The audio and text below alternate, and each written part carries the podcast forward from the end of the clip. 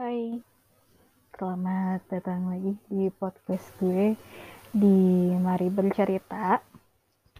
Kalau misalnya kalian dengerin podcast gue pas lagi pulang kerja, uh, setelah seharian beraktivitas di luar, semoga suara gue bisa menemani kalian pulang ke jadi kantor ke rumah.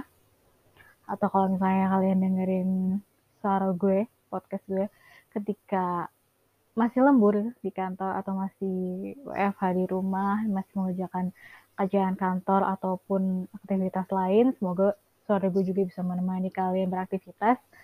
Ataupun kalau misalnya kalian udah pengen tidur setelah seharian beraktivitas, uh, semoga suara gue bisa menemani kalian tidur nanti.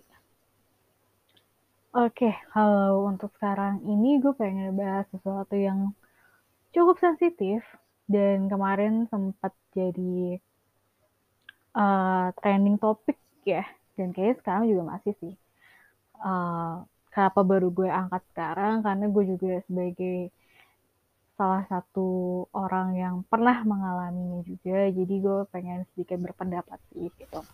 Topik apa sih yang pengen gue bahas sekarang tentang bullying? Jadi kemarin itu sempat uh, booming soal pegawai KPI yang beliau adalah laki-laki dan dibully uh, oleh teman-teman sekantornya uh, yang mana mereka juga laki-laki.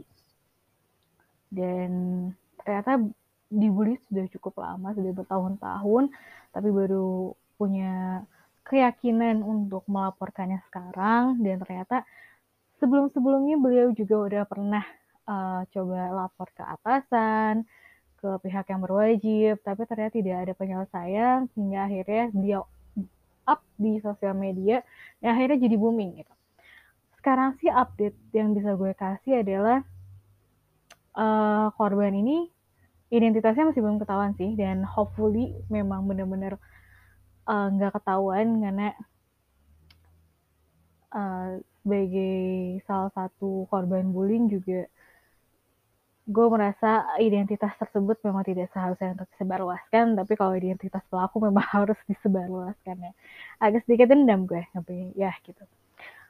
Uh, dan update-nya adalah si terduga tersangka ini yang melakukan pelaku bullying pengen melaporkan balik si korban karena dirasa mencemarkan nama baik dan juga merasa terancam unik. Karena ya ini balik lagi uh, KPI adalah perusahaan yang menurut gue seharusnya menjadi contoh di masyarakat baik itu secara internal maupun eksternal tapi ternyata di dalamnya sendiri nggak begitu baik ya. Uh, dan jadi melebar ke mana-mana ini masalahnya. Maksudnya nggak cuma ke masalah si bullying ini tapi jadi ke integritas dan juga kapasitas si lembaganya kayak gitu. Gue nggak akan ngebahas soal kasus itu, tapi gue pengen ngebahas atau pengen sharing tentang kasus gue gitu.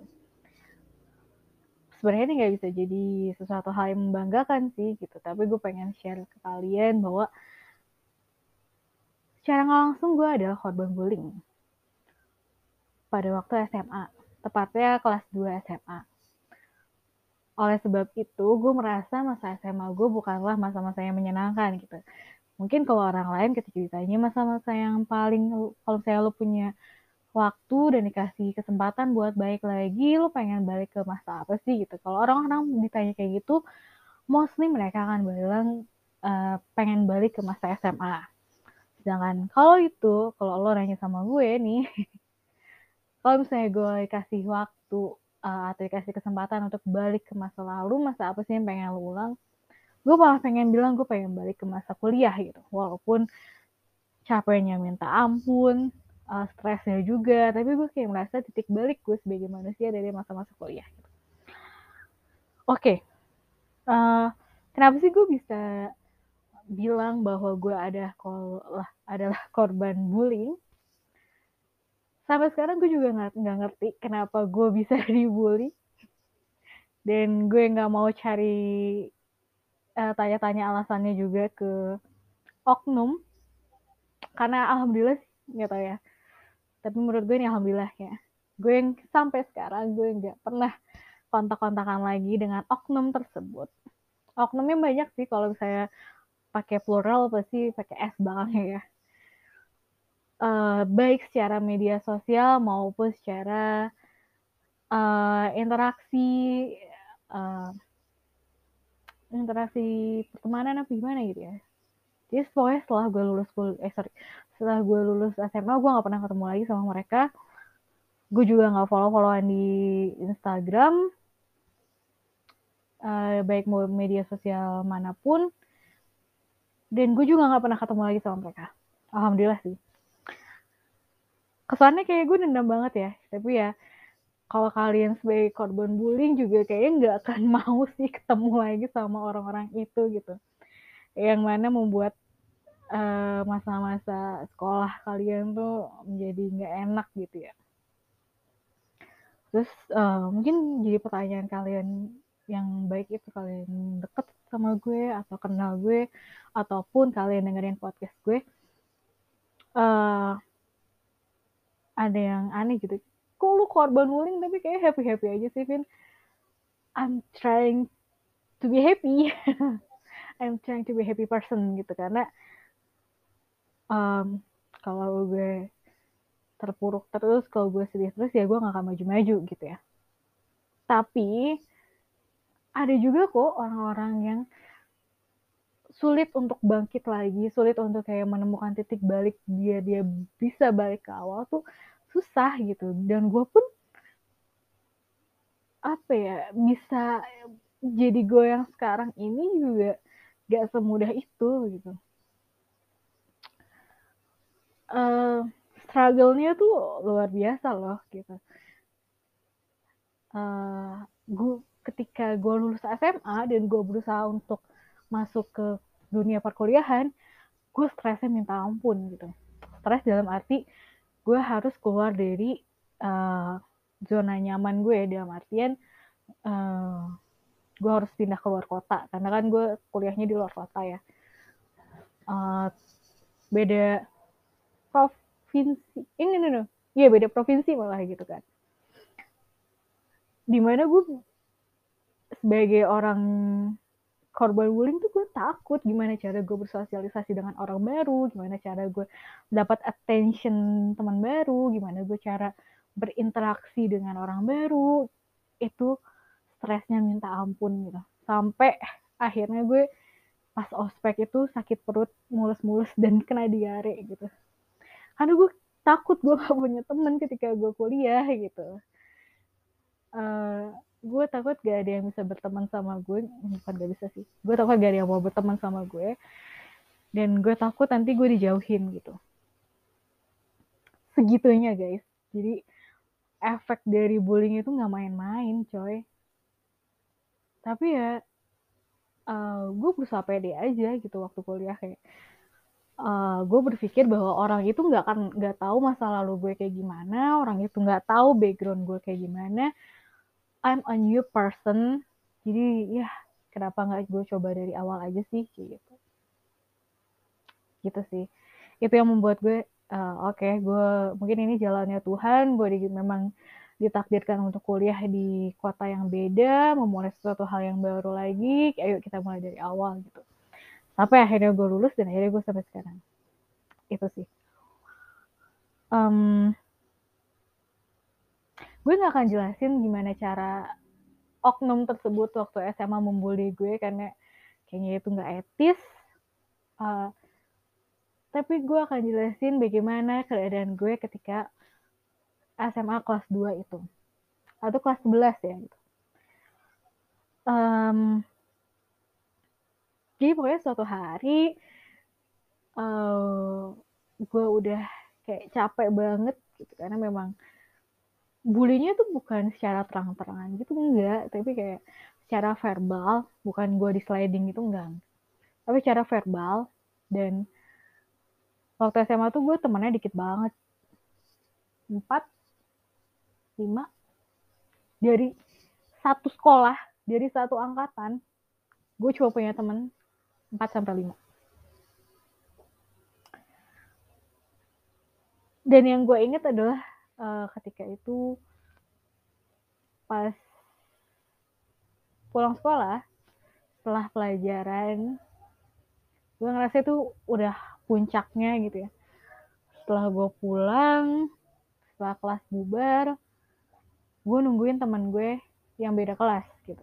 Karena gue kelas berapa dia teman gue kelas berapa gitu teman dekat gue dan setelah itu gue nangis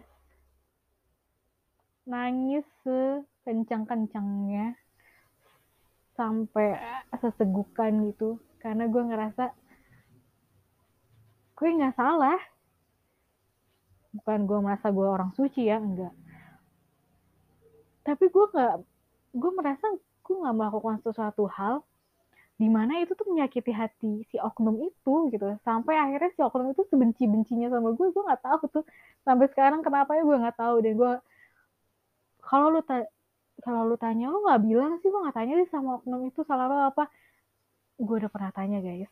Guys guys guys. Gue udah pernah tanya salah gue apa dan dia nggak mau jawab. Tipikal cewek banget gak sih? Gue udah tanya gue kenapa? Kalau misalnya gue salah gue minta maaf. Terus kayak apaan sih lo? Gini gini, gini gitu ya. Oh my god itu udah berapa tahun yang lalu tapi gue masih ingat sampai sekarang.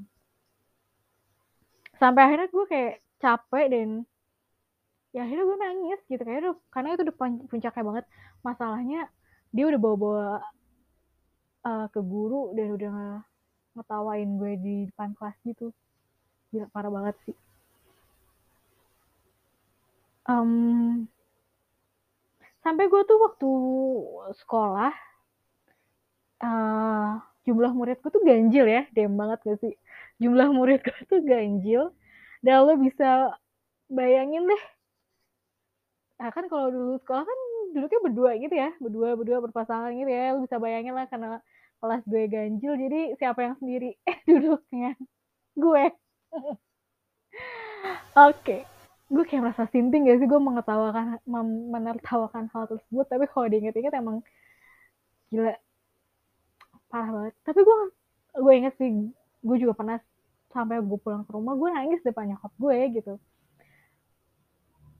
uh, tapi gue lupa sih respon nyokap gue kayak gimana gitu. Tapi gue nggak pernah minta pindah sekolah gue nggak pernah minta gue bolos sekolah tuh enggak. Kayak ya mau nggak mau lo harus hadepin selama sisa lo sekolah di sana gitu loh. Mau lo suka mau lo nggak suka gitu. Gue gue aja sih yang cari mati gitu ya. Tapi kalau memang gak kuat sih harusnya ya gue pindah kali ya. Tapi itu sekolah bagus sih guys. Sekolah bagus uh, eh, SMA yang bagus sih di kota gue gitu. Jadi kayak ya sayang banget aja mau pindah mau ke mana gitu kan. Udah kelas 2 gitu. Um, balik lagi. Jadi setelah pulang sekolah itu gue ketemu sama teman gue dan gue akhirnya nangis. Gue ceritain semuanya yang belum sempat gue ceritain gue ceritain. Dan ya teman gue juga nggak bisa bilang apa-apa. Karena gue nggak bisa dong membuat temen gue membenci si oknum-oknum itu nggak bisa. Karena memang bukan masalahnya dia bukan itunya dia dan gue juga nggak mau menghasut gitu. Gue cuma bingung aja kenapa gue sampai dibenci segitunya gitu. Padahal gue apa ya gue juga nggak tahu salah gue sampai sekarang apa gitu. Tapi ya um, yang gue lihat sih sekarang uh, mereka udah hidup bahagia selama lamanya I don't know. Tapi uh, mereka udah nikah. Uh, some people udah punya anak. I'm happy for them. Seriously I'm happy. Mereka udah punya kebahagiaan mereka sendiri. Yeah I hope anaknya mereka nggak ngerasain apa yang gue rasain gitu I'm forgive but I'm not forgotten gitu ya gak ada yang bisa ngelupain kalau misalnya lo adalah korban bully guys so kalau kalian adalah oknum yang gue maksud dan kalian dengerin podcast gue sekarang I'm truly happy for you. Uh, kalian punya pekerjaan yang nyaman, punya kehidupan yang nyaman, punya pasangan yang nyaman, dan keluarga yang nyaman. Dan semoga kalian gak ngerasain apa yang gue rasain. Dan semoga kita gak akan ketemu lagi ke depannya.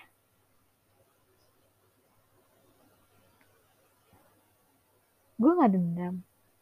Tapi emang gue gak mau ketemu kalian lagi.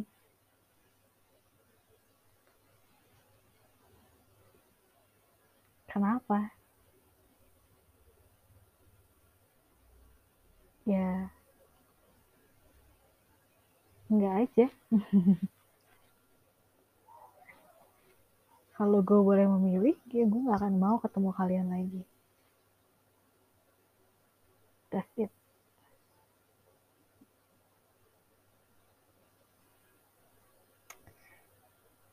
Dan miris ya, kasus yang sekarang lagi berjalan ini, yang kasus KPI ini, uh, si tersangka ini nggak ngerasa kalau misalnya mereka melakukan pembulian, mereka merasanya mereka melakukan bercanda biasa aja gitu dalam tanda kutip bercanda biasa aja gitu bercanda itu nggak bisa dibilang bercanda lagi ketika salah satu pihak merasa tersakiti. Bercanda itu kan berarti harusnya ada feedbacknya ya, maksudnya uh, lo melakukan melaku, uh, mengeluarkan jokes, terus pihak lain ketawa, happy gitu. Tapi kalau misalnya kayak lo melakukan uh, mengeluarkan jokes, terus salah satu pihak tersakiti, itu namanya bukan bercanda gitu. Ya gue harap kasus ini dapat selesai dengan baik dalam arti bukan damai. Karena kalau gue baca kronologisnya kayak udah parah banget sih. Soalnya udah masuk ke tindakan pelecehan ya. Um, dan kayaknya memang di mana-mana tuh oknum yang melakukan bully tuh nggak nggak sadar kalau dia tuh sudah melakukan bully gitu loh kayak ya gue bercanda doang Mela lu baper banget sih gitu kan. Dan dia tuh nggak merasa bahwa apa yang dia lakukan itu menimbulkan trauma ke pihak lain.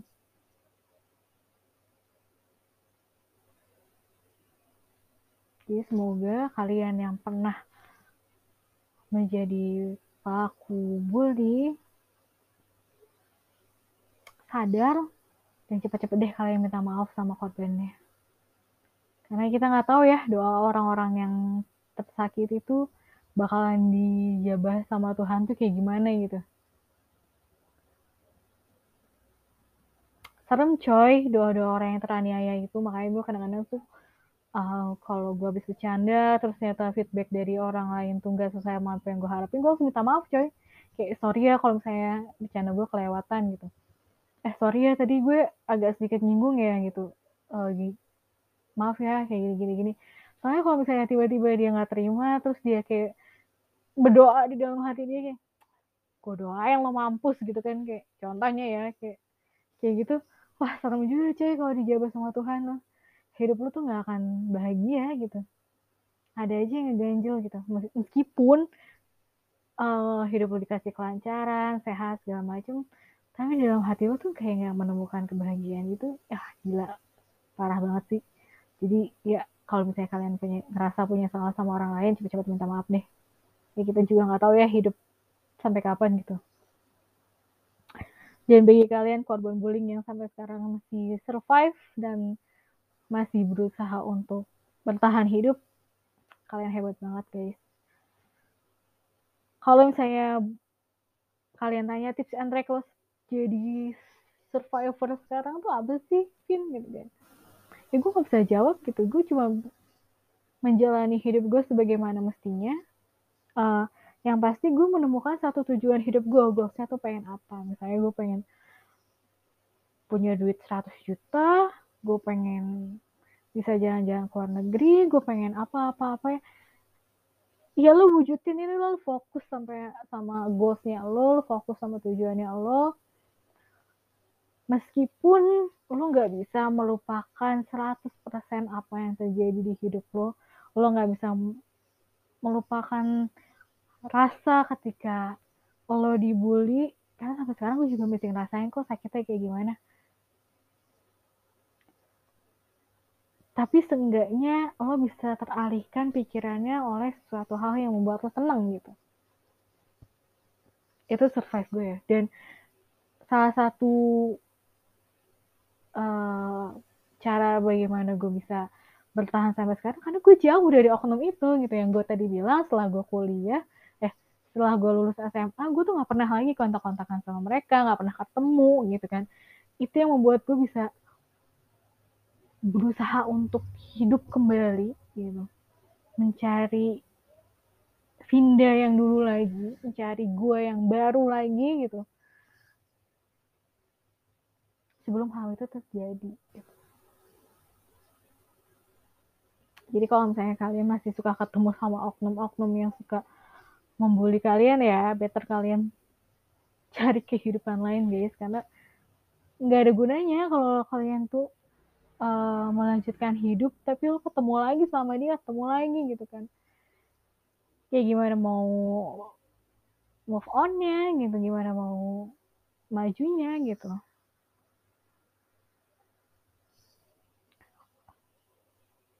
hmm.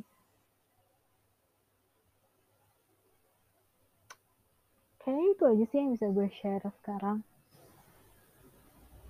Uh, gue juga gak akan spill orangnya siapa aja.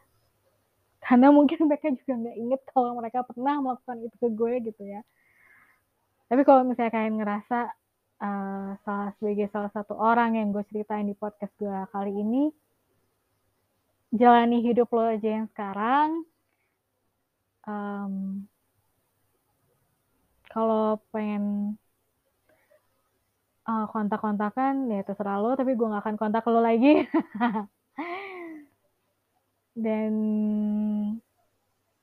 kita jalani hidup kita masing-masing. Dan semoga anak lo nanti nggak merasakan apa yang gue rasakan. Ya, semoga anak lo nanti juga bukan sebagai orang atau oknum yang pembuli gitu ya.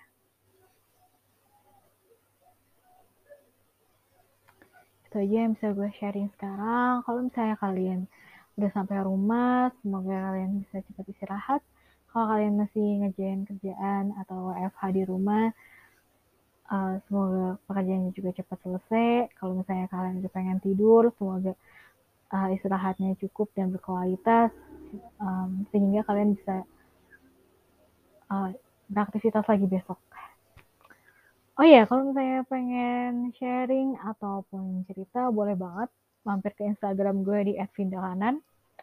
Itu aja dari gue, sampai ketemu di podcast selanjutnya. Bye-bye. Thank you yang udah mau denger.